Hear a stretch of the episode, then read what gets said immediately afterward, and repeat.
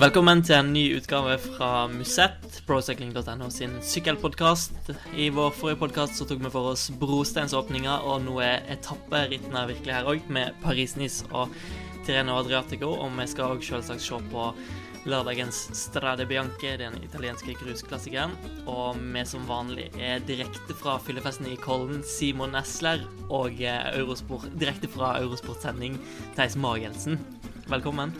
Eh, takk. Jeg vil bare ha meg frabedt eh, at jeg var med på en fyllefest. Jeg drakk, drakk ikke en dråpe alkohol i Holmenkollen. Det er om det, Simon. Eh, jeg vil ikke ha meg frabedt eh, noe du sa om meg, Knut, for det stemmer. Eh, jeg var jo Jeg hadde kvinnenes Strade Bianche, så jeg fikk jo sett eh, Sett i hvert fall det rittet veldig, på veldig kloss hold. Det var jo fantastiske ritt vi fikk eh, både hos menn og kvinner. Og så er det gøy at vi har Paris-Nice og Tireno Adriatico litt, eh, Adriatico, litt større etapperitt på gang. Det er veldig morsomt. Gode startfelt og eh, spennende etapper. Eh, Men eh, skal vi starte med å legge oss flat? Eh, ja, vi bør vel kanskje det, for vi, vi har jo lovet eh, noe vi ikke holdt. Det har vi ikke gjort så mange ganger før, så vi lovet jo at vi skulle ha en spesialepisode til Strade Bianche. Ble ikke noe av det, gitt. Nei, sånn er det når du har barn og sykdom og ja. Så kottet til Simon var ikke ledig, og så alt krasja bare, så da, da gikk det ikke. Det var en perfekt storm, rett og slett, så ja. den uh, falt i grus. Dessverre. Men uh, det blei sykkelritt på grus allikevel, og uh, vi får fokusere på det. Ja. Så da kan vi jo gå rett på, på sak, da, egentlig. Uh, Starte med Ja, man kan jo starte med damene sitt Strade Bianche, så de sykla først. Eh, På det jeg var mest spent på i forkant, var jo om eh, Kassianivi og Doma endelig kom til å vinne. Jeg skrev òg en sak om det på, på Pro Cycling. Eh, Så ja, Første gangen hun sykla i 2015, når rittet ble starta, så har hun aldri vært dårligere enn nummer seks og blitt nummer to i de tre siste utgavene. Jeg lyktes ikke helt denne gangen heller. Gjorde ikke det. Hun, eh, hun ble jo Den rekka på tre andreplasser på rad, den røk jo. Men hun ble nummer, uh, nummer tre, da, så det er jo ikke så verst, det heller. Og uh, jeg, tror, jeg tror at det var Hun har jo vært nærmere å vinne enn en det hun var i år. For uh, Annemiek van Fløyten var ganske suveren. Hun forsøkte jo å følge henne, Kasia, på, i den bakken hvor, uh, hvor Annemiek stakk av. Det var vel det tolvte det siste gruspartiet hvor hun tråkket av gårde.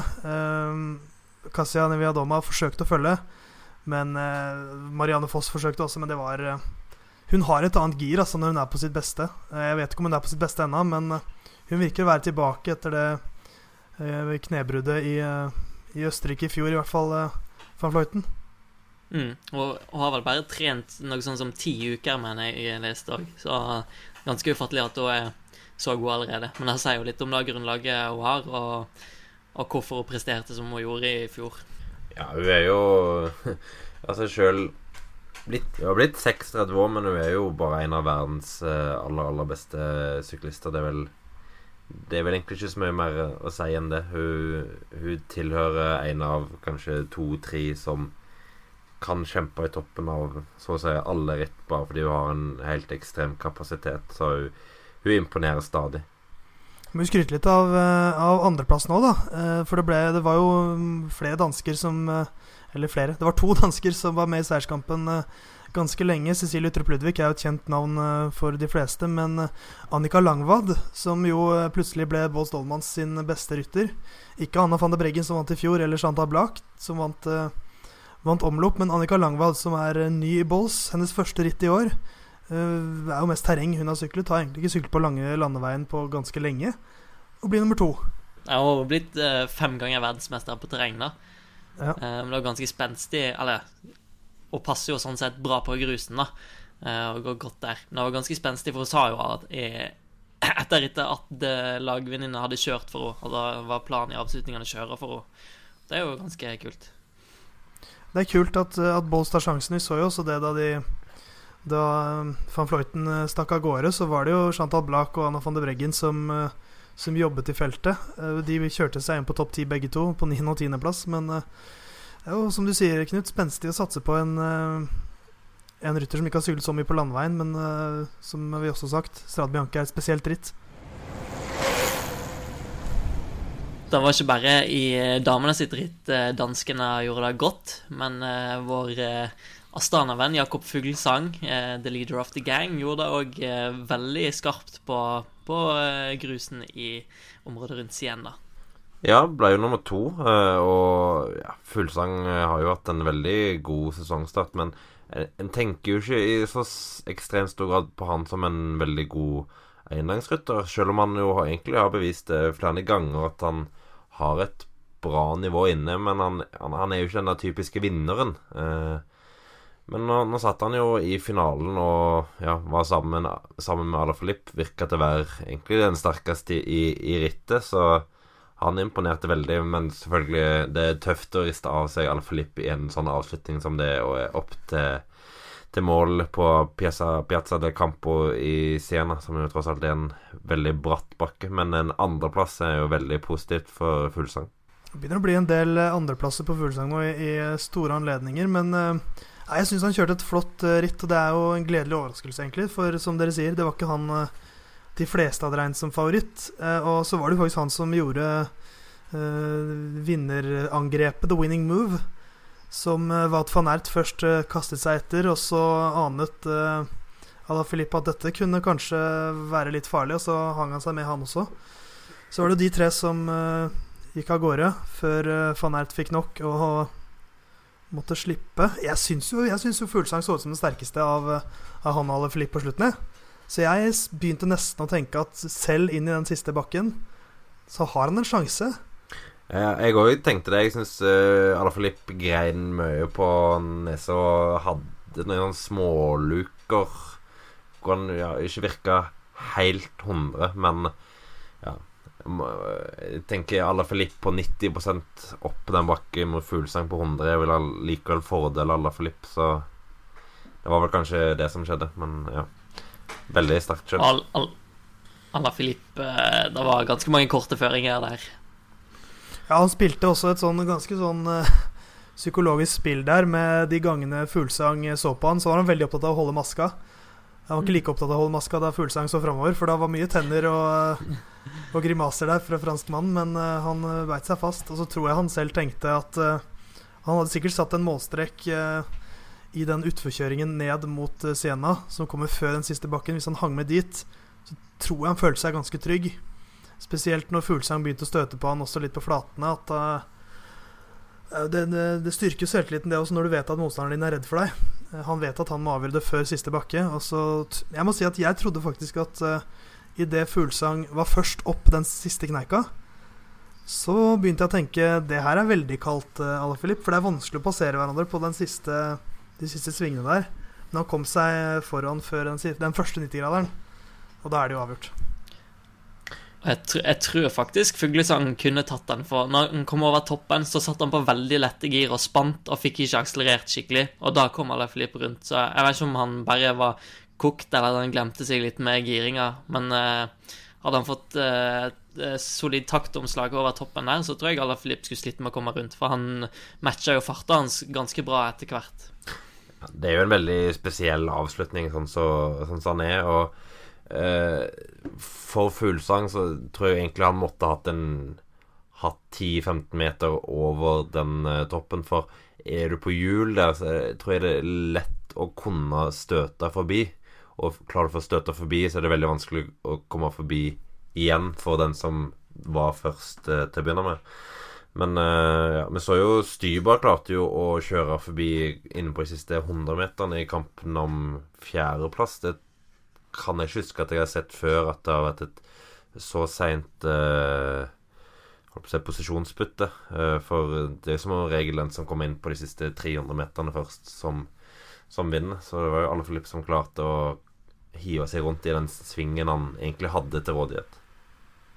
Men så er det jo også Fuglesang ikke en rytter med en voldsom akselerasjon. Ala Filip har jo et, et, kick som han ikke er i nærheten av, så han visste vel at hvis jeg er på hjulet over bakketoppen, så kan jeg bare legge inn en kjapp spurt, så er jeg forbi, og da har jeg mer eller mindre vunnet det. Da er det bare fall eh, på de siste svingene som kan, kan hindre meg. Så uh, Ala Filip altså, han tar uh, stadig nye steg, da. Det er jo En eh, virkelig stor rytter som The Cunny Quickstep har meislet ut her de siste årene. Ja, han, det som er litt kult med Alaphilippe, er at han omtrent kun tar store seier. Han har ikke vunnet latterlig mye i karrieren sin, men han vinner jo nesten utelukkende på World Tour-nivå. Så han rasker jo med seg store seire hele tida. Så han er oseklasse. Skryte litt av Wat van Ert òg, da. Å bli eh, havne på podiet i, i Strade Bianche to år på rad. Eh, to tredjeplasser. Ble jo en, en, Han falt vel i den siste bakken i fjor, da han sleit med kramper og ble passert av Roma Bardet. Ja. Falt Men, av eh, setet, i hvert fall. Ja, ja.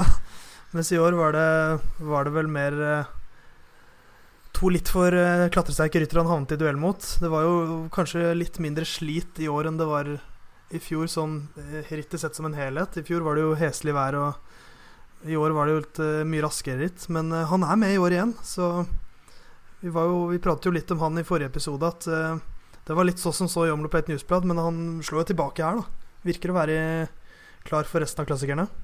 Absolutt. Jeg tipper han har eh, etter sykkelcross- so- sykkelcross-sesongen sluppet seg veldig ned. Og så var ikke han helt uh, oppe og gikk igjen i omlopp, men nå begynner han å få motoren i gang igjen. Ja, jeg er enig i det. Eh, vi, vi var jo ikke helt overbevist sist, som du sier, Theis. Så et eh, ganske stort skritt i, riktig retning i så måte. Uh, Van Ert uh, ble Jeg ikke, jeg husker ikke når han ble kjørt av av Ala Filip og Fuglesang. Det var Var det litt før? Nei, det var litt før det. Det var ganske kort tid etter at angrepet gikk, egentlig. Uh, så begynte jo Altså, de er jo mye mer klatresterke enn han, så det, Mm. det var jo motbakken han virkelig begynte å slite. Men han holdt jo veldig bra stand til de som fulgte bak han. Eh, Ja. Han tapte jo egentlig ikke så mye til dem, eh, selv når han så ut til å være helt på stålet. Så, så det var vel de to sterkeste som eh, gikk av gårde, og så var han den tredje sterkeste. Det var eh, veldig imponerende. Han, holdt også, han kom jo også opp igjen eh, like før denne bakken, når de uh, Alfilippe og Fuglesang begynte å, å lure på hverandre. Men det, det ser man jo ofte, i, eller ofte, det har skjedd før i hvert fall, i Strade Bianche, at én rytter har klart å kjøre seg opp like før den siste bakken, og så er man jo Mm. sjanseløs. Han la seg jo bare i front og kjørte jevnt opp bakken, og så støtet Fuglesang først med Alaphilippe på hjul, og da var det jo Han han visste nok at han kom til å bli nummer tre uansett. Ja. Jeg tror eh, Amund Grøndahl Jansen bemerka det i bloggen sin på procycling.no i dag, at eh, han antar at van Ert er minst ti kilo tyngre enn enn de fleste andre som gjorde det bra i det rittet. Ja, han er i hvert fall eh, 5-10 kilo tyngre enn uh, Fuglsang og Alaphilippe. Det, det er vel naturlig å anta, så Ja, det er jo et eh, ritt med vesentlig mer høydemeter enn eksempel type Type, ja, type og sånt, da, som er vel rundt, rundt dobbelt så mye høydemeter i Stade Bianche, så det vitner jo om at eh, han òg går veldig bra oppover. Har vi noen gang hatt en bedre klatrer som har vunnet Omloped Newsblad? Nei, Strad Bianche, mener jeg. Nå hadde, vi, nå hadde vi jo to klatrere, eller Johan Philipp er jo mer enn bare en klatrer, men han kan klatre veldig godt. Jakob Folsang er jo en klatrer. Roman Bardet ble nummer to i fjor. Har en bedre klatrer vunnet uh, Strade Bianche før? Jeg tror ikke det. Hvem skulle det vært i så fall? Kyato er jo ikke fryktelig mye dårligere. Nei. Men uh, ja, er i Hvis du tenker litt lengre bakker eh, og mer rein, rein bakkeferdighet, så kan det nok være, ja. Eller Thomas, det Thomas Løkvist må jo uansett være eh, den største av de. Det var uh, tider, det. Det gitt han litt annen profil. Men kan det Jeg tenker det kan jo Det var jo en litt spesiell utgave sammenlignet med fjoråret. Da var det jo litt mer kanskje de tunge sliterne som Selv om Roma Bardet da var med der framme. Men eh, Nei, det er jo et veldig fascinerende ritt. Folk Ja, virker veldig opptatt på at det skal bli et monument. Mm. Da, altså, det er jo litt sånn som i, i tidvis i Milano San Remo, at det er sånn veldig forskjellige vinnere. Det er enten en klatrer eller en punsjør eller sånn veldig forskjellige ryttertyper. da. Ja, og det er jo alltid en sjarm med, med, med ritt, at det, er såpass åpent. Og det er jo det mange folk liker med Milan San Remo, og det er jo nok òg mange liker med Stadibanke, selv om Stadibanke er jo et relativt mye mer lukka rekka ritt i form at du har, du har rundt 15-20 reelle vinnerkandidater, mens i San Remo er det kanskje 30 30 nærmere 40 som på en god dag har muligheten til å havne i et angrep som går hele veien, men uh, ja. Du, men apropos monument, som du nevnte, Theis, den debatten er jo fryktelig prematur. Uh, jeg syns også det.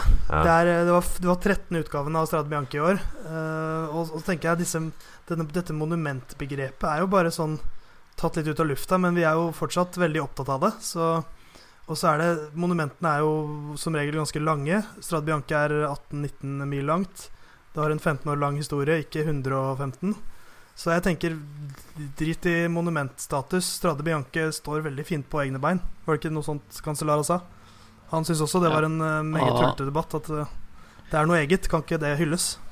Jeg tror det var Cillian Kelly, uh, Irish Peloton på Twitter, sykkelstatistikeren, som uh, som tweeta at han, han, hadde aldri klart å finne hvor mm, uttrykket 'monument' stammer fra. Hvor liksom Når en fant på det. Og ja, hvem er det liksom som definerer hva et monument er? Altså, ja Det er jo ingen e, egen organisasjon eller noe sånt. Nei, det er jo ikke noe uh, UCI-rangering, men det er jo Men jeg, jeg syns det skal være som det er. Monumentene skal være de gamle, lange endagsrittene som er for slitere, og som har en lang historie. Hvis man, eh, hvis man begynner å inkludere nye ritt i det, da, da, er jo ikke monumentstatus verdt noe lenger. Da er jo ikke monument noe som helst. Da er det bare et vanlig endagsritt. Så jeg syns heller man da skal hylle det nye og heller se på det, enn at det alltid må være med i den monumentklubben. Med Julian Alaflip som eh, vinner av Strade Bianche, så endte da en åtte dagers ja, fest for Quickstep, kan man vel si. Perfekt, perfekt uke. Starta med seier til Stenning Stybar i omløp Het Newsblad. Påfylt av seier til Bob Jungels i Kurn Brussel-Kyrne. Uh, og så i, i, tirsdag i uka så vant Florian Senechal Samin før Julian Alaphilippe avslutta med seier i Strade Bianche. Og de tok sin 15. seier for sesongen. Ja, det var sånn sett passende at nettopp var The König Quickstep og Astana som uh, gjorde om seieren i Strade Bianche som de to mest uh, suksessfulle lagene. Og en uh, nok òg grunn til at uh, Alaphilippe kunne stole og lene seg mye på fuglesang i avslutningen, var jo at de satt med både Styber og og eh, Lampert i, i gruppa bak. Eh, i tillegg til Peter Serri, som blir nummer 13, mens altså Styber blir 4 og Lampert 11. Så laginnsatsen er jo nok en gang ekstremt god, eh, og det er jo en helt enorm rekke. Altså, når de vant eh, omlopp og kurene eh, samme, samme, helg, så var det første gang på 35 år at et lag hadde gjort det. Når de vant eh, Lesa Min nå på tirsdag, så var det første gang noensinne at et lag hadde vunnet alle de tre. Så det er et uh, lag som bare er fryktelig sterke i de endagsrittene. Vi snakker, har jo snakka litt om Astana sin bredde. Uh, men i Lesamin der sender Quickstep basically et B-lag uh, med Kasper Askren, Remi Cavagna, Tim de Klerk, David Martinelli, Max Richese, Florence Senechal og Peter Serri. Liksom ingen av stjernene, og så bare ta, griper de rittet og tar seieren med Sinichal der. Ja, den løste de jo også på, på, strålende vis. Det var vel Tim de Klerk som angrep mot slutten der fra en, fra en liten uh, gruppe, og så var det Var det Rompot som samla det, var det ikke det? Til, uh, til spurt. Og så ja. var jo Sinichal den raskeste. Så eh, det, det, mest imponerende med den rekka deres syns jeg jo er bredden. At det er fire forskjellige ryttere som vinner. Én ting er hvis du har den, en klart En rytter som bare er i kanonform og er bedre enn alle andre. Da da kan du på en måte ikke gjøre så mye feil. Men når det er fire forskjellige ryttere, da tyder det på at det er liksom Det er et, eh, et fellesskap som eh, har en unik kultur.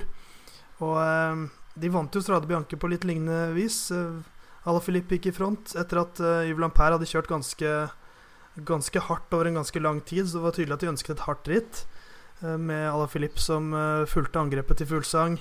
Og Stybar ble jo best av de rytterne som ikke gikk med det angrepet. Så Nei, det er, eh, det er bare å ta av seg hatten og bøye seg i støvet. Eller bøye seg i grusen, som man kanskje skal si her nå. Men eh, de eh, Jeg er spent på hvor lang den rekka blir, for den må jo ta slutt før eller siden. Men nå har de fire på rad. Jeg, jeg tør ikke å si at de ikke kommer til å vinne neste store klassiker. Nå er det kanskje Milano Sanremo som er et av de vanskeligste rittene for Quickstep å vinne, all den tid det ofte er et såpass passivt ritt at de ikke får utnytta den kollektive styrken sin i så stor grad. Men så har de jo en mulig vinner i Viviane i en spurt, selvfølgelig. Men De har altså tatt 15 seire nå med åtte forskjellige ryttere. Så en tredjedel av sta- stallen deres har vunnet hittil i år. Det er jo, man, man sier jo sånn at uh, de fleste ryttere vinner jo ikke noe, men i det laget der så er det nesten sånn at hvis du ikke vinner, så føler du deg enda verre, holdt jeg på å si. For det er det er nesten sånn forventning nå om at alle skal vinne nå. Selv rytterne som ikke er typiske vinnere, begynner jo å ta, ta en seier eller to hver sesong. Ja, det er sånn HTC-esk. At alle, alle kan vinne, alle vinner. det var jo helt nydelig å se Seneskjall når han eh, kom over mål og Jeg husker ikke om det var kjæresten eller kona som var eh, helt eh, fra seg av glede og delte ut kyss og i det hele tatt til, til Seneskjall. Eh, det var vel òg bursdagen hennes, så jeg har lest. Men det var bursdagen hennes. Ja, så Ja. En ja. god gave å gi en eh, første proffseier for Senechal, som jo virkelig så veldig bra ut i det rittet. Han var jo den sterkeste på brostein i et ritt hvor han tross alt kjørte mot eh, Nikki Terpstra og eh, Lars Boom, så Senechal var veldig, veldig god. Og når du da har et så bra lag i ryggen, så, så blir det ofte et bra resultat. For det er laget som er nøkkelen her, tror jeg. Altså, for det er, eh, det er noe med den følelsen at når alle vet at alle får sjansen, at de har på en måte ingen sånn soleklar Det er deg vi kjører for. Det er mer vi kjører som et lag. Så vet alle at da får jeg sjansen før eller siden. Før eller siden så blir det meg som kommer i det avgjørende bruddet. Og da funker også samarbeidet mye bedre, fordi at alle vet at min sjanse vil komme. Så eh, Nei, de har noe unikt der, altså. Det er eh, det er litt som det har vært eh, ved et par tidligere sesonger her, at når vi er inne i de skikkelig store klassikerne, så er det ikke en, en rytter som er den største favoritten, det er et lag. Og det er eh, ganske godt gjort å få til et sånt, eh, sånt fellesskap. Altså, jeg syns de er veldig gode på å utvikle ryttere. Altså, jeg føler alle ryttere som er i det kunne Quickstep, tar gode steg. Eh, sånn som Kasper Asken har jo sett fenomenalt god ut eh, fra han kom inn. Eh, og plutselig blitt en av eh, verdens eh, beste hjelperyttere, og nå en som òg ser ut til å være potensiell eh, en mulig fyr for klassikerne. Eh, en fyr som for øvrig må være den store lookliken til, til Knut Lone her. Men eh, det er en annen sak. Det er, ja. det er ikke den dummeste lookaliken jeg har sett der, altså. Men jeg er, veldig enig, Simon. De har et uh, Veldig flinke til å utvikle ryttere, men også veldig flinke til å, å la ryttere gå. Uh, de lot jo Nikki Terpstra og Gaviria forsvinne. Det er jo selvfølgelig penger involvert der, så noen må man la gå. Men selv når de lar store ryttere gå, og året før så forsvant jo Bonen, Dan Martin, Kittel, Trentin. Og eh, de har liksom alltid noen som er klare til å, å ta et steg, da.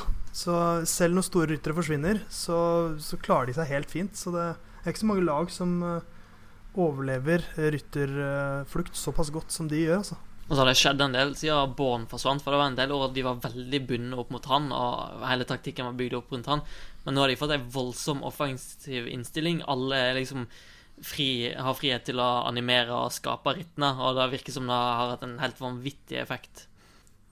Jepp, absolutt. Eh, eneste negative egentlig du går an å si om det laget, er jo at eh, de har eh, ja, visse lenker eh, til, til leger og sånt som ikke er helt Hva skal man si ideelle. Eh, men eh, ja. Det kan man jo samtidig si om en del lag, så det er liksom eh, Men det er, det er sant, det er ikke helt optimalt, det. Og så er det jo eh, Vi skal ikke glemme noen litt uh, uh, Hva skal man si dinosauraktige holdninger som har kommet til overflaten et par ganger. Så uh, det er jo ikke bare Frida gammen, men gud som de kan sykle klassikere. Det er det ingen tvil om. Men angående Senechal Seneschal eh, Blir han første franske Paris-Roubais-vinner siden Fredrik Gisdon i 1997? Ikke i år, men eh, Ja, i løpet av noen år. hvorfor ikke i år? Ja, hvorfor ikke i år? Men uh, jeg har, ser ikke helt for meg at det skjer i år, kanskje. Nei, jeg tror uh, Tror nok ikke det skjer i år, men han er jo veldig veldig lovende. da Så hvis han blir i det laget Jeg tror det er riktig, et riktig lag å være i hvis han har lyst til å vinne Paris-Roubais. Men jeg tror kanskje ikke han er den de har som en av sine største kapteiner i år. Jeg sitter jo og håper at Stenek Stybar skal klare det, men nei,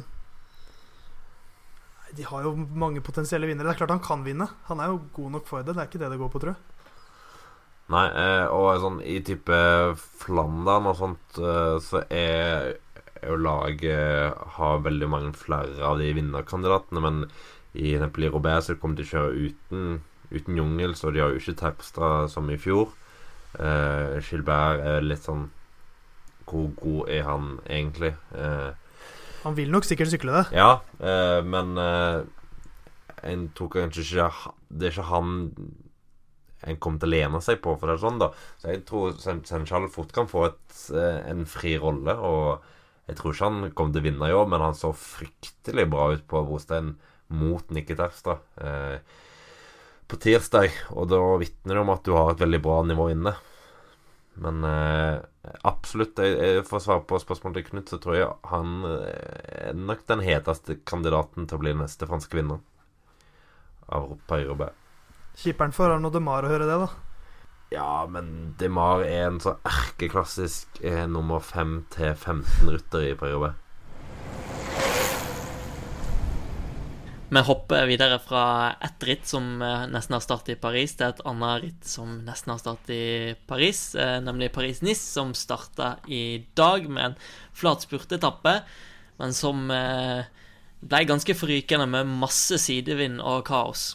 Ja, Litt som forventet. Det har blåst ganske kraftig i, i Vest-Europa, egentlig, kan vi si, denne mandagen som vi, Nei, søndagen som vi spiller inn på. Eh, Så det er faktisk fire UCI-ritt som ble kansellert. Eh, Paris-Nice gikk som normalt. Og eh, det blåste ganske kraftig. Spesielt Team Sky kjørte jo helt fantastisk. Måten Kwiatkowski og Luke Rowe veiledet Egan Bernal gjennom, gjennom sidevinden på, var jo helt, helt strålende. Og de la også press på på slutten, men så blei det jo en samlespurt fra et ganske stort felt, der verdens raskeste mann på to hjul Spørsmålstegn? Dylan Grønneveggen vant i hvert fall. Like foran Caleb Ewan. Ja, jeg, jeg satt og så på denne spurten da på en eh, På en mobiltelefon mens jeg var i eh, hoppbakken. Eh, og jeg lukka telefonen sånn ti sekunder etter målgang. Og var helt sikker på at det var Kelly Buen som tok den. For jeg syns han kom så sterkt på slutt. Men veldig imponerende spurt av, av Grønneveien, som jo òg fikk et veldig godt opptrekk fra Amund Grønn Alliansen, blant annet. Så en, en viktig seier i et veldig vast spurtfelt. Veld, veldig bra å slå Ewan der når Ewan er helt oppe i hjulet hans og går rundt, men klarer ikke å komme forbi likevel. Han um, matcher farten hans på de siste 100 meterne. For det er en ganske lang spurt uh, Grønneveggen gjør. Eller først så er det jo Sonny Colbrelli som begynner på verdens lengste spurt.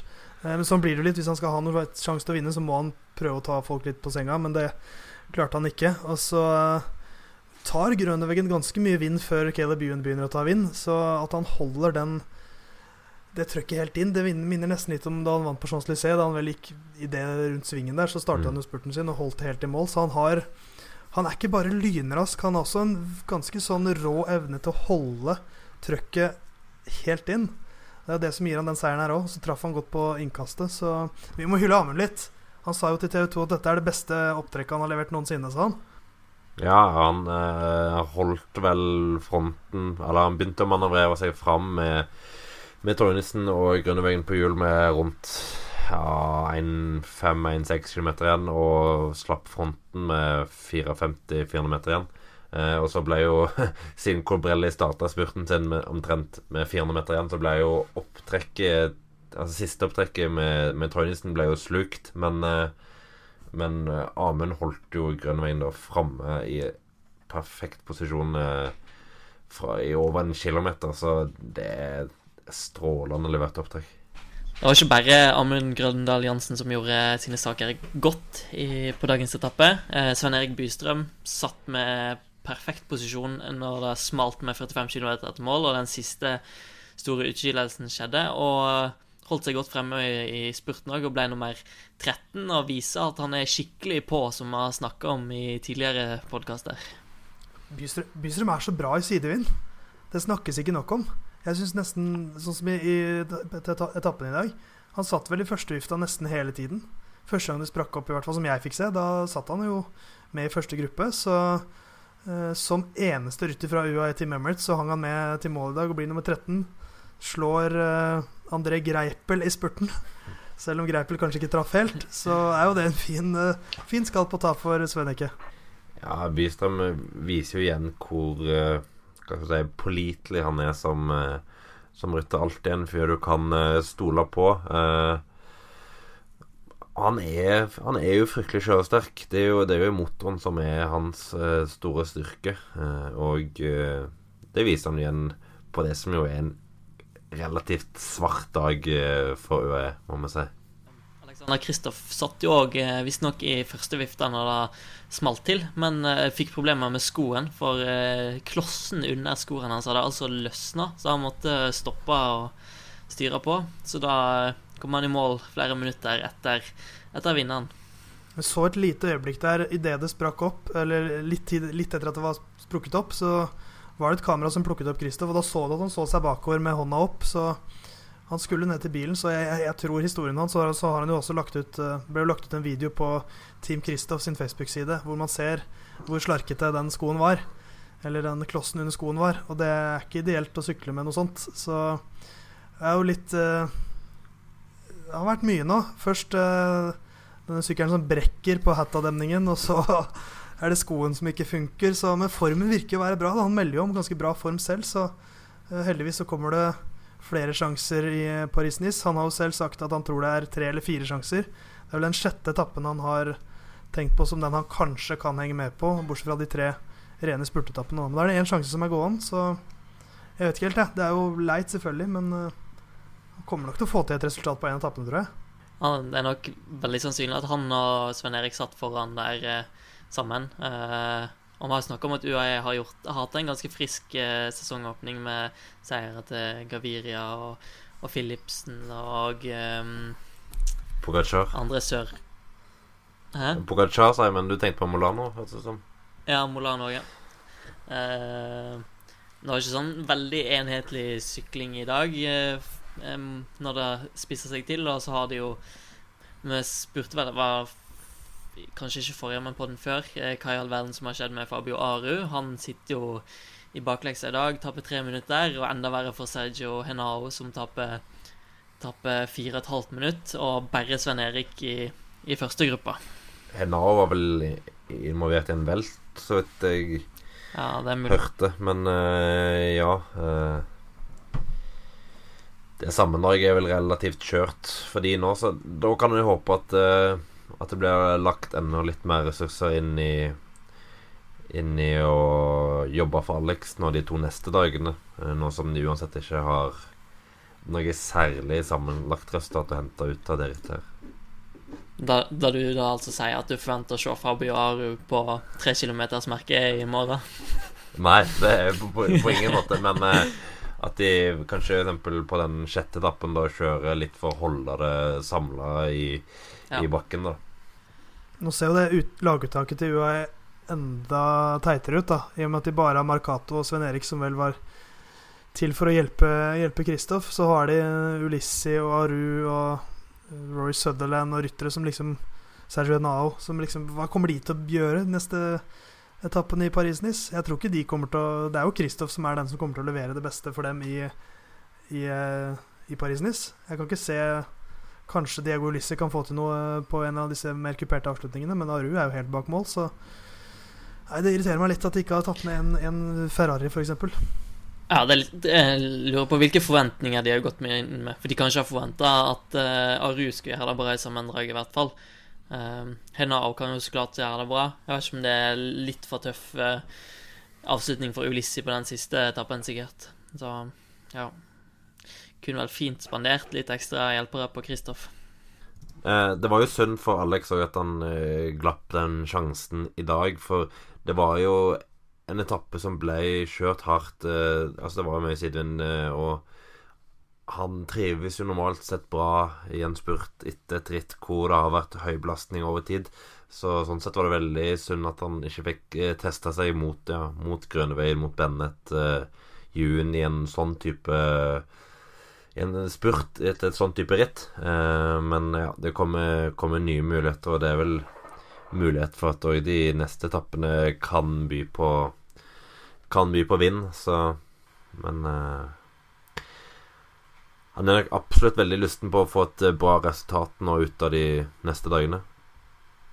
Også viktig før eh, Milano Sanremo for å liksom eh, bevise at han fortjener en kapteinsrolle der på lik linje med Fernando Gaviria. At det ikke blir noe sånn usikkerhet rundt formen til Kristoff. Mm. For da er det veldig lett for dem å lene seg mer på Gaviria og, se, og si at du kjører opptrekk her òg, Alex. Men selv om jeg ikke ser på det som så sannsynlig, jeg tror nok det blir to, nærmest to kapteiner der helt til målstreken på Via Roma. Men men det er et viktig ritt, så han, han må ha med seg et eller annet. I hvert fall vise at formen er intakt.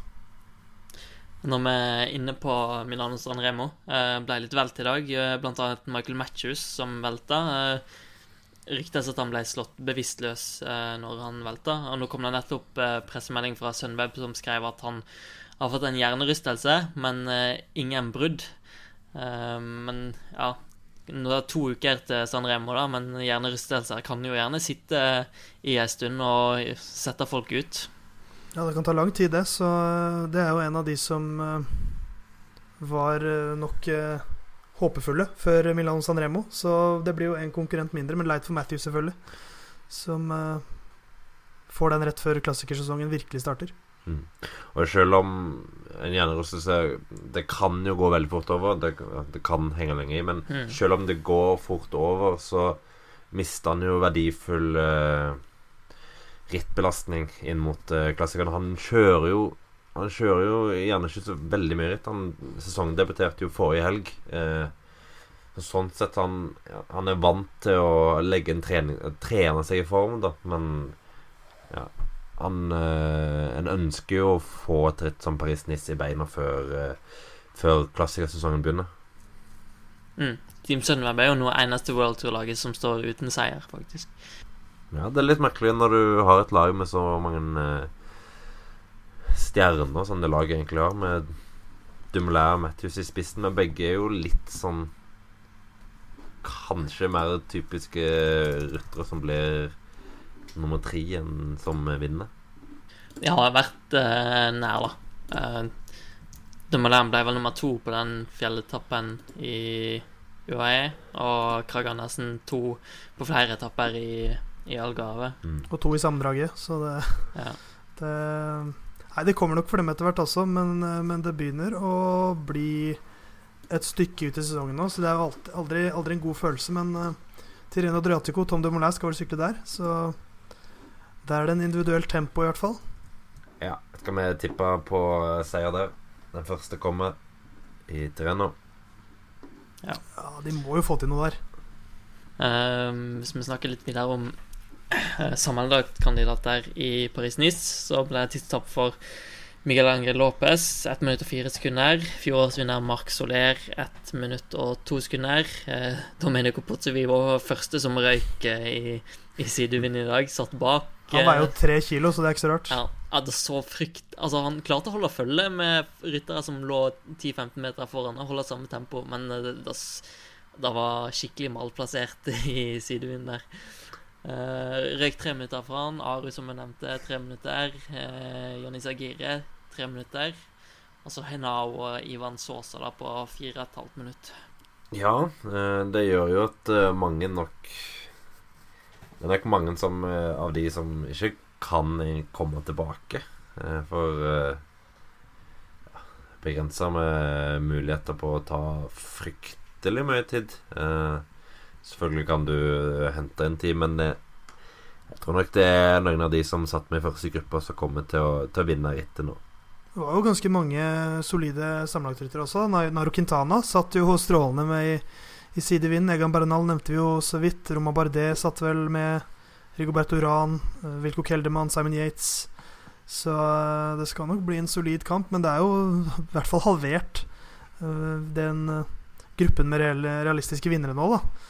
Ja, så det blir spennende å se. Det er jo først og fremst den Col de Turin-etappen og tempoetappen som jeg tenker kommer til å avgjøre det sammendraget. Det er jo litt spennende med den eh, etappen til Col du Turin, som altså er en bakke på rundt 15 km med en sånn gjennomsnittlig stigning på 7,3. 7,3, ja. Eh, som en Det er sjelden du ser en så lang bakkeavslutning i Paris-Nice, egentlig. Eh, da er det ofte mindre bakker, så en, en sjelden tidlig stor fjelltest i Europa, egentlig.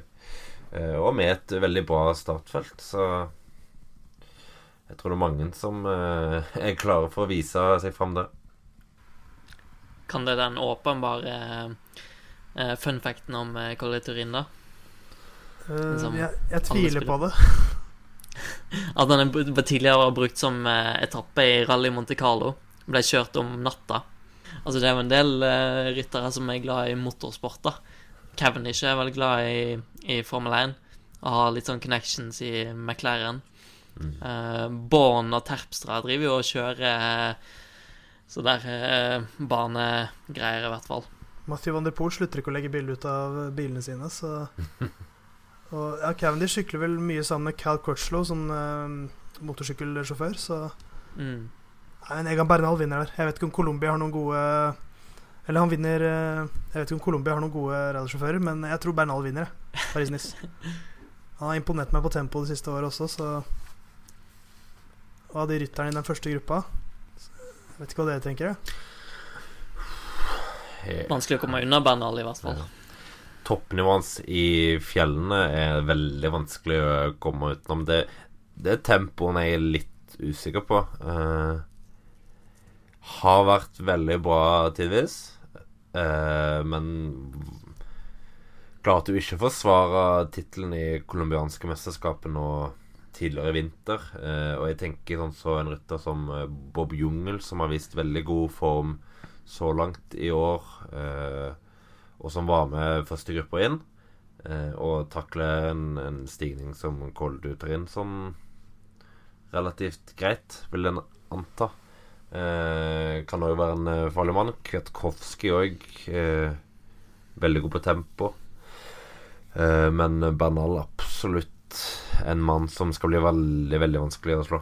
Spent på Jungel, som han trent spesifikt nok til å Han har jo litt annet fokus nå i vår, så lite spørsmålstegn ved det.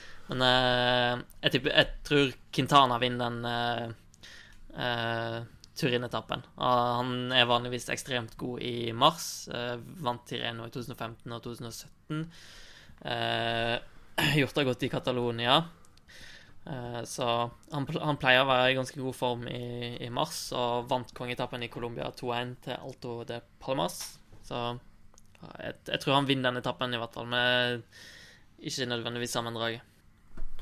Nei, Quintana så jo veldig sprek ut Sprek ut i dag òg, så Det kan fort bli en colombiansk eh, duell på vei opp der. De har jo òg eh, Rigoberto Uran som kom inn med, med T-gruppen, så plutselig har du tre colombianere på toppen av eh, podiet. Skal ikke glemme Wilco Kelderman eh, heller, da. Bra temporytter. Avhengig av hvor god form han er selvfølgelig i bakkene, men kan fort bli den beste temporytteren Eller på tempoen av, av de vi har nevnt. Et relativt åpent uh, sammenlagt uh, situasjon kan vi vel uh, Kan vi vel konkludere med etter én etappe. Og så eh, blir jo de siste wildcardene til eh, Tour de France avgjort her òg. Ja, Varen Bagil var vel og lukta litt på noen sånn klatrepoeng i dag. Eller en uforståelig grunn. Eh, så kan det vel sikkert viktig for Bergille å vise seg fram her. Uh, og da jeg tipper han har sikta seg ganske godt inn på den eh, etappen til Col du Trin for en mulig etappeserie. Ja, han sosa med det. Han, altså, først så, lå, først så ble, ble, det plutselig veldig rolig felt, så han bare lå foran. Og så støta Jeg husker ikke hvem som støta. Sanchez? LL Sanchez? Han har også dark horse i sammendraget. Ja, det var seinere. I hvert fall så var det en som støta, og så lå han litt på halvdistanse en stund, og så virka det som at Nei, faen, kanskje jeg skal kjøre meg opp til han foran? Kanskje det er lurt? Så, ja. Og så virka det som han bare slapp rett før bakketoppen. Ja, nei. Type. Mens eh, Paris-Nice har fått inn en uh, stor klatring, så er årets Tirreno Adriatico helt blotta for de lange bakkeavslutningene. Det er et ritt for punsjører og Ardenner-spesialister. Uh, men uh, ja, jeg vil påstå likevel de har ganske spennende løyper med, med mange kule bakker. Små og korte, men bratte. Ja, det er en perfekt løype for uh, Julian Alaphilippe. Det er vel sånn min første tanke om uh, den løypa. Litt, som du sier, litt mindre av de store klatringene som en gjerne har i Trena Adriatico, hvor de ofte pleier å ha en sånn klassisk kongeetappe. Men det har jo ofte vært litt problemer med ja, en sein eh, vinter og sånt de siste åra, så det kan jo være at de prøver å gå for noe litt mer safe. Eh, men ja, det kan nok bli et spennende ritt, for det er mange det er mange fine, bratte, korte bakker som jo pleier å by på spennende kjøring. Så åpent ritt. Med unntak av når Greg van Averman vant sammenlagt i 2016, når denne fjelletappen ble avlyst. Så det er altså Mikael Kwiatkowski som vant i 2018, Quintana i 2017 og 2015. Eh, Contador i 2014, Nibali i 2013 og 2012, og så Cadel Evans i 2011. Så det går veldig bort fra å være et ritt for Grand Tour-spesialister, da. Jeg syns ikke det gjør noe. Jeg syns uh, etapperitt med, med, profiler som det her, det kan, det kan, fort bli like spennende, det, egentlig. Uh, mm. Da blir det kanskje ikke så, så, veldig store avstander i sammendraget, selv om det jo er ganske mye mye tempo. Det er jo en åpning med en lagtempo på over to mil og avslutter med en tempo på, på en drøy mil, vel. Så, så, det er jo sannsynligvis en rytter som går godt i korte bakker og som er god på tempo, som uh, vil vinne det her. Jeg tenker jo at Primoz Roglic er jo en rytter som En, en herre som passer den beskrivelsen. Ja, Jumbo Visma vant jo lagtempoen eh, i UE-tour. Eh, Roglic vant eh, fjelletapp, en fjelletappe der og, og, vant sammenlagt, så han er jo åpenbart i veldig godt slag. Roglic vant vel òg en etappe i en sånn uh, stupbratt-type avslutning i Trenen og Adriatico i fjor, så han eh, liker seg jo i sånne bakker. Det som jo f.eks. i mm, Tour de France på etappen til, til, Mende, hvor han uh, var best i feltet der. Så han skal bli tøff å slå. Han trives i bratte bakker. Insert uh, skihopp-joke. Verdens uh, sykkelsportens mest, mest, brukte fun fact. Ja. Uh, men apropos folk som flyr høyt. Jakob Fugl sang. Uh, han er jo i kanonform for tiden. så selv mm. om det kanskje ikke er de, det beste laget på tempo, eller at han har de beste tempoferdighetene, så viste han jo i Strad Bianca at han kan presse selv Julian Alaphilippe i korte og bratte bakker. Så jeg må si jeg er veldig spent på Astana og Fuglesang. Eh, også med tanke på at de gjør det så bra på, uh, i, i, de korte etapperittene nå for tiden. Og så har han jo med seg Mr. Champagne eh, Bottles òg, av Aleksej Lutsenko. Ikke sant. Det, det, kan ikke bli gærent, det der. Så Nei, jeg, jeg er spent på Fuglesang. Han kommer nok til å vise seg fram, for den formen som han er i nå, må han jo bare bruke.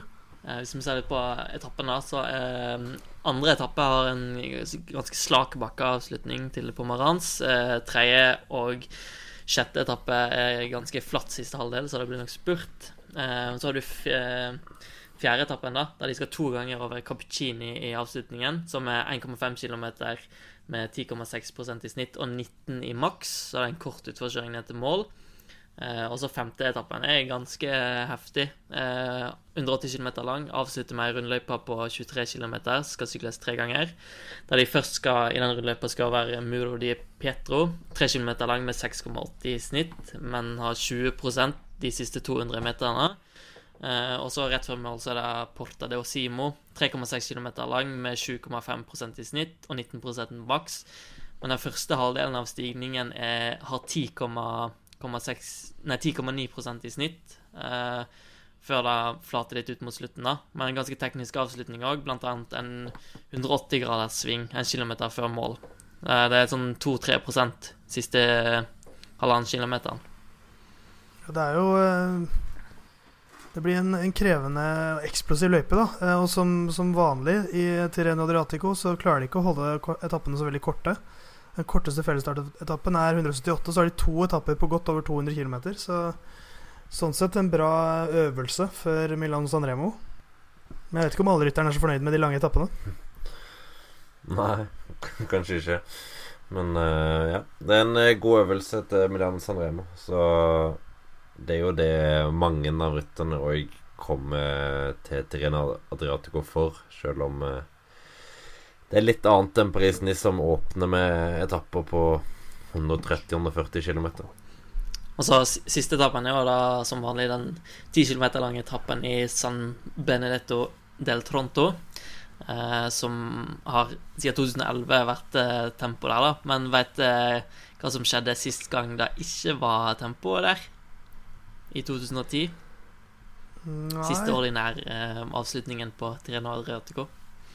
Fortell oss, eh, Knut. Ja, Da var det Edvald Bårdsen Hagen som spurte inn til seier der. Det er jo ganske åpent om, eh, om, hvem som kan vinne her da, med den løypa. Jeg nevnte Roglic, da, som jo er en Grand tur-rytter per eh, def. Men så har du jo òg Alle Filip, da. Ja. Vi nevnte jo Nest, Tom de Molay tidligere. Ja. Mm, Tim Velens vil jeg påstå har veldig gode vinnersjanser her. Eh, og van Avermaet er ikke helt utenkelig at han kommer høyt opp i sammendraget heller. Nei, det er disse tempoene da som uh, kanskje kan være mm. deres uh, utfordring. Sunweb også et lag her med ganske sterke temporyttere. Altså Lennart Kamna, eller den, den foreløpige startlista er ikke bekreftet, men der står Lennart Kamna, Søren Krag Andersen, Nikas Arnt, Sam Omen, Robert Power og Nicholas Roach sammen med Demoulin. Da. Så hvis de stiller med noe lignende som det jeg leste at nå, så tror jeg også de kan eh, gjøre seg gjeldende på lagtempoen. Så kanskje de får den seieren de trenger, enten i sammendraget med Demoulin eller på en av tempoene. Men det er, eh, det er, jo veldig vanskelig å si. Han har jo ikke syklet så mye, men han så brukbar ut i UAE-tour, syns jeg. Så, så han begynner nok å tenke litt på formen inn mot uh, Giro d'Italia. Så det er jo første steg i å bygge, bygge en slags form. Ja, den lagtempoen kommer til å bli spennende. Et par lag som kommer med eh, gode lag. Du nevner Jumbo Visma, som har ja, Roglic, Tony Martin, van Emden blant annet. Uh, Sunweb stiller bra. Mitchton Scott òg stiller ganske bra med det, det som er på den foreløpige startlista med Bookwalter, Durbridge, Hepburn og Eh, Jack Bauer, i tillegg til Yates Adam eh, som kaptein. Og The König Quickstep skal du aldri avskrive på en lagtempo fordi de er så velfungerende lag å stille med. Kasper Askeren og Yves Per, blant annet. Eh, og så skal det bli spennende å se tempoduellen eh, Tom Dumoulin mot Rohan Dennis. da Der får vi en liten forsmak på på lagtempoen og en litt, litt eh, større konklusjon på den individuelle tempoetappen som eh, avslutter rittet. Eh, Dennis har jo ikke fått en pangstart på Merida sine temposykler. Det blir spennende å se om han har fått eh, temt den sykkelen sin. Hva tror du om Team Sky, da? Garen Thomas, Castrovejo, Moscon, Vatpols og, og Puccio foreløpig eh, på deres liste. De, eh, Garen Thomas var jo ganske bra med i, i i Strade Bianche. Ble nummer tolv der, så etter, en, en, etter å ha hvilt litt på laurbærene etter Tour de France-seieren, så begynner uh, G å våkne litt igjen, gjør han ikke det? Ja, jeg tror det. Ja, uh, de gjør et meget uh, sterkt lag for denne lagtempoen, og når han da begynner å våkne til live, så, så, må vi jo regne med han høyt oppe. Selv om jeg tror både Moscone og Pols kan gjøre det vel så bra akkurat her, fordi de er veldig gode i de type korte, eksplosive bakkene. Eh, I tillegg til at de òg, i likhet med Thomas, er gode på tempo. Så de kommer med en eh, veldig god trio av, eh, av ryttere som kan gjøre det bra. Det kan jo òg være noe å spille på i, i de finalene, om de kommer til å bli kjørt eh, selektivt. Denne løypa er vel nesten strengt tatt perfekt for Moskon, men han har jo ikke vist noe form, form så langt, da. Nei, altså Men plutselig kommer det. Du vet ikke. Mm. Jeg vet ikke helt hva rolle han har hatt i de eh, rittene han har kjørt eh, så langt. Han har bare kjørt UAE-tur og Strade Bianche. Og om han har hovedsakelig gjort det som hjelperytter, eller om han har hatt sine egne sjanser. Det har jo òg en del å si. Skal vi komme med hver sitt tips, da?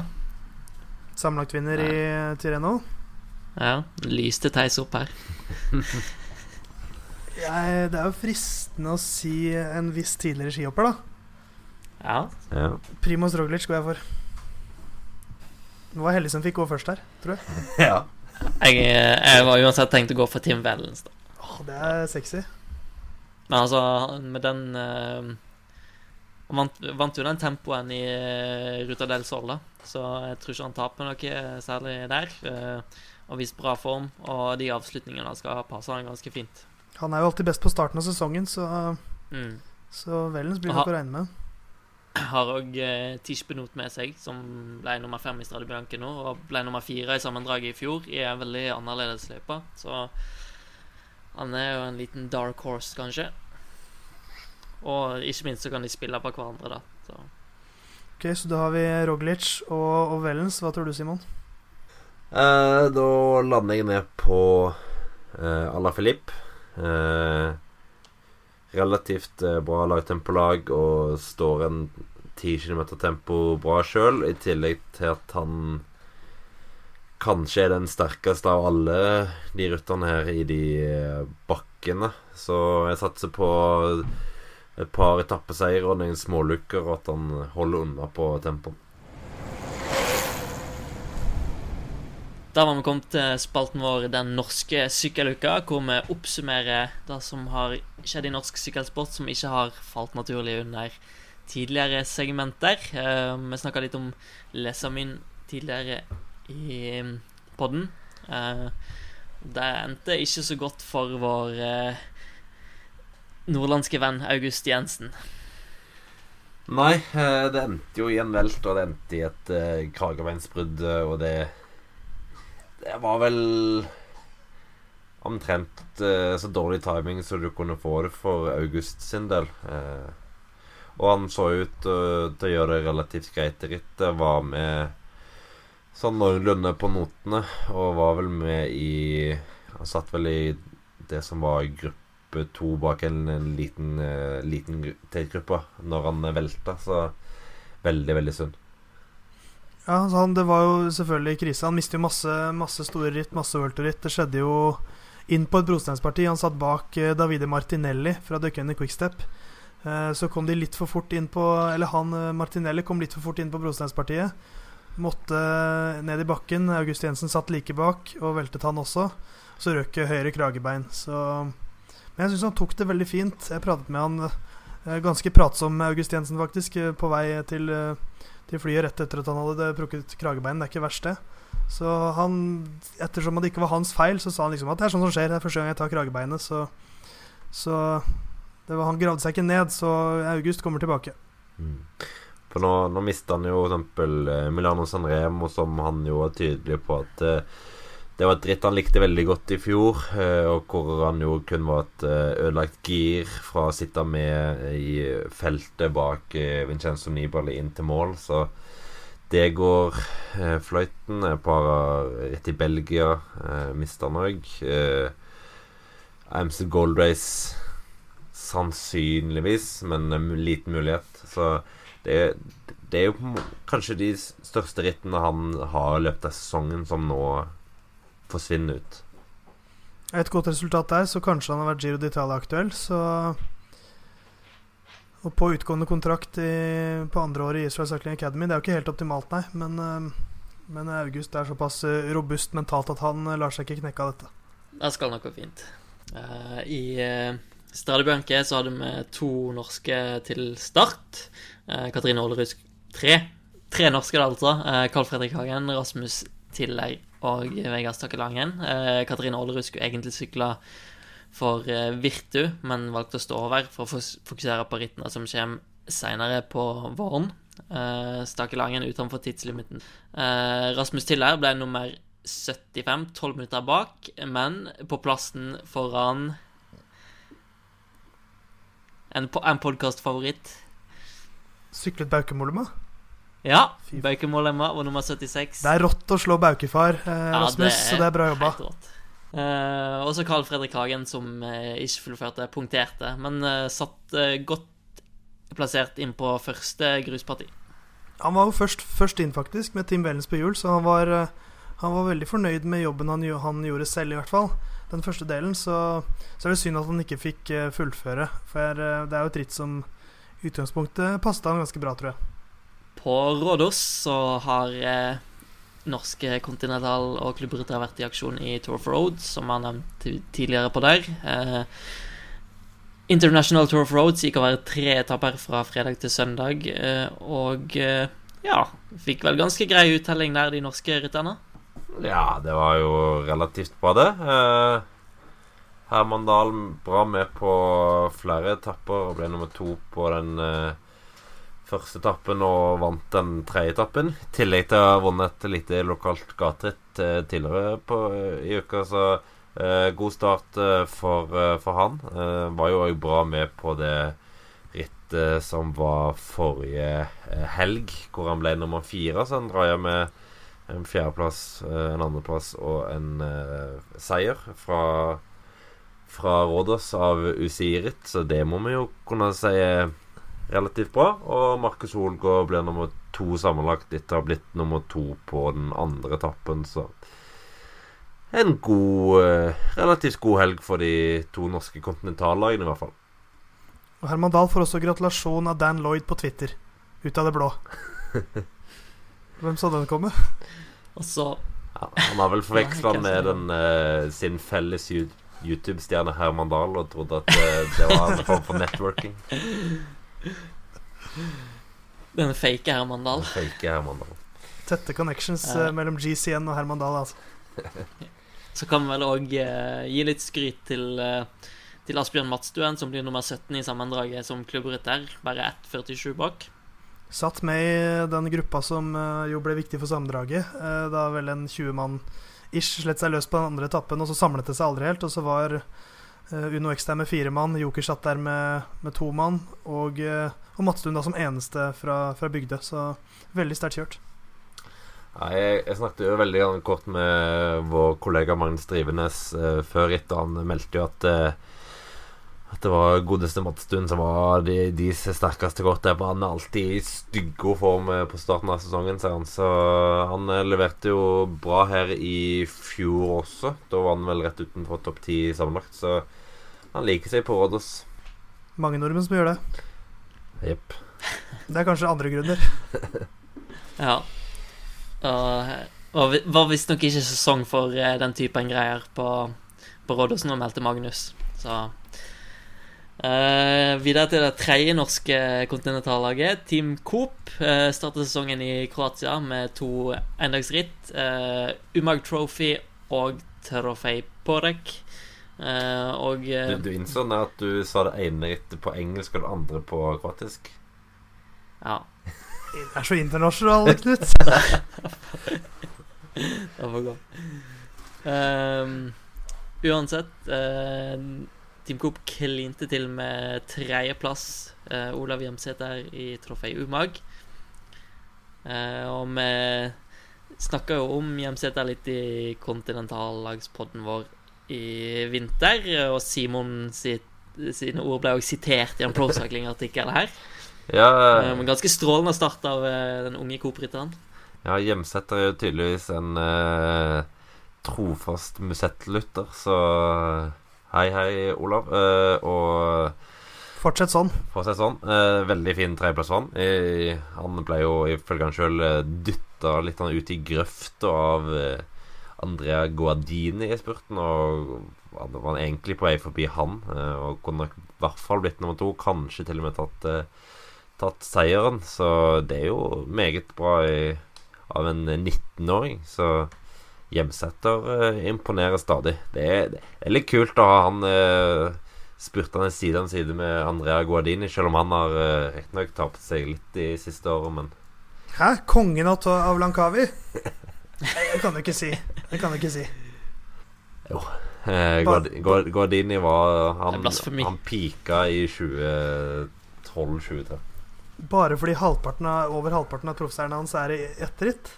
Hjemsetter ble da nummer tre eh, der i eh, trofé Umag. Eh, det var jo egentlig meningen at det var Trond Håkon Tronsen Coop skulle kjøre for, men de mistra hverandre litt eh, på slutten. Eh, men det var eh, Tronsen fikk eh, spurtansvaret da igjen i trofé Porek, hvor han ble nummer 11 eh, etter at et brudd på fire mann hadde, hadde tatt seg av de fire førsteplassene. Så en eh, topp ti i selve spurten, i hvert fall på, på Tronsen. Så det er jo en grei, grei start. det. Eh, Coop skal fortsette litt til i, i Kroatia. På torsdag starter de eh, etapperittet. Nå skal jeg ta den kroatiske versjonen her nå. Det her, Eh, her, Istarsko Prolje, her er jo eller Istrian. her er jo den Trophy. engelske varianten mye mer kjent. Mens en eh, Ja. alternerer mye mer på en bruker trofé Porek eller Porek Trophy. ja. I hvert fall Istrian Spring Trophy starter på torsdag. Fire etapper, så Coop eh, fortsetter der. Og eh, jager årets første seier. Eh, og de gjorde det jo godt der i fjor. Ja, Christer Hagen gikk jo helt topps der i fjor, så de har litt å forsvare. Christer Hagen også viser jo eh, god form. Eh, Han ble nummer 11 her i, eh, i Italia. Eh, Et endagsritt der på søndag. Så et eh, relativt eh, sånn eh, typisk eh, halvkupert ritt som ble vunnet av Maximilian Schackmann eh, i en spurt mot Mattia Cataneo, mens det da kom et, eh, en gruppe på rundt eh, 20 ryttere inn. Hvor Hagen satt eh, i godt selskap med ja, Carapaz og Maika, Visconti og mange eh, sterke ryttere. Ja, det er ganske imponerende, egentlig. Godt å se. Godt å se etter dette, denne hjerteoperasjonen at eh, det ikke preger han i noen grad. At han eh, virker å være bra slag. Og så viser det virkelig at han har noe å gjøre på, på det her nivået òg. Det er ganske ryddig, den gruppa han sitter inne med. Eh, nevnte at eh, det er Eastern Spring Trophy til uka. Eh, til helga så er det Ronde van Drente med Susanne Andersen og Hightech i aksjon. eh, mens Joker skal i aksjon i Paris, tror jeg. På søndag går begge de rittene. Det var altså den eh, norske sykkeluka. Eh, nå videre til to andre spaltene vi har. Eh, det skal deles ut både litt hyllest og litt slakt. Og vi, vi skal bytte om på, på rekkefølgen i dag og starte faktisk med, med hyllesten. Knut, hva har du å tilby? Yes, eh, hvorfor vi har snudd det, her, blir åpenbart etter hvert. Eh, men eh, ja, altså Jeg tenkte litt på å gi det til Amund Grøndal Jansen for hans formidable opptrekk i Paris-Nice. Vi kunne òg gitt det til feltet.dk sin skribent Emil Akselgaard, som skrev opptak til Paris-Nice på nesten 15 000 ord. Men jeg kom til å tenke litt her underveis at det passer veldig fint å gi den til August Jensen. Måten han eh, svarer for seg når eh, Theis ringer han eh, etter kragebeinsbruddet, det er eh, Hva er ordet E- Eksemplarisk. Eh, han holder motet oppe, er veldig positiv. Og så, sånn generelt så han er han en ekstremt fin fyr å ha med å gjøre som journalist. Han svarer alltid godt for seg. Veldig åpen eh, og veldig forklarende. Eh, strengt tatt en journalists drøm. Eh, så han skal ha masse kudos for det, og masse kudos for måten han tilnærmer seg kragebeinsbruddet sitt, som strengt tatt ødelegger vårsesongen hans veldig. Ja, det er eh, veldig, veldig fortjent. Og så må jeg bare påpeke Han ringte meg For jeg sendte han Ja, en melding, for jeg tenkte at uh, han har brukket kragebeinet sitt. Uh, eller, eller han har nettopp veltet ganske stygt, så jeg bare sender han en melding, så får han svare som han vil. Uh, men han ringte meg, så første han sa 'Jeg har brukket kragebeinet'. Med en helt vanlig stemme, da- så det er helt rått. Han er, Det har jo skjedd med meg flere ganger, at det er han som er, er nesten mer på enn jeg er. Så kjempe, kjempeflott fyr, August. Sendte meg også bilder av eh, kragebeinsbruddet på X-ray, så det, det er jo fantastisk. Ikke at han brekker kragebeinet, men måten han tar det på, eh, og måten han oppfører seg på, er helt strålende. Så det er veldig fortjent, Knut. Uh, Theis, du skal slakte. eh, jeg vil eh, anbefale alle til å finne seg noe godt i glasset og lene seg tilbake og, og kose seg med det her. På Rådås så syklet det mange nordmenn. Eh, og Bygdøy IL har vi jo nevnt allerede. Og for Bygdøy IL så sykler det en, en veldig, veldig fin fyr. Han er faktisk vår kollega.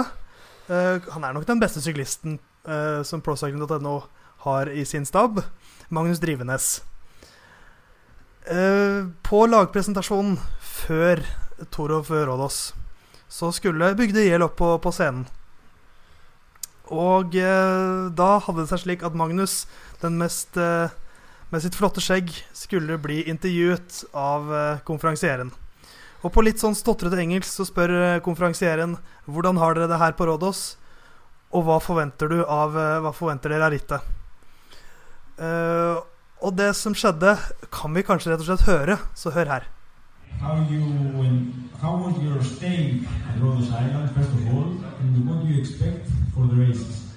Yeah, it's very nice here. we expect a lot of fun. I wish you good luck and just for a little bit of For den engelsken der, Magnus, den engelsken der, det er å gjøre skam på det norske skolevesenet. For eh, ja, det Hva skal vi si, gutta? Det, det var ikke strålende levert av Magnus Drivenes opp på scenen der.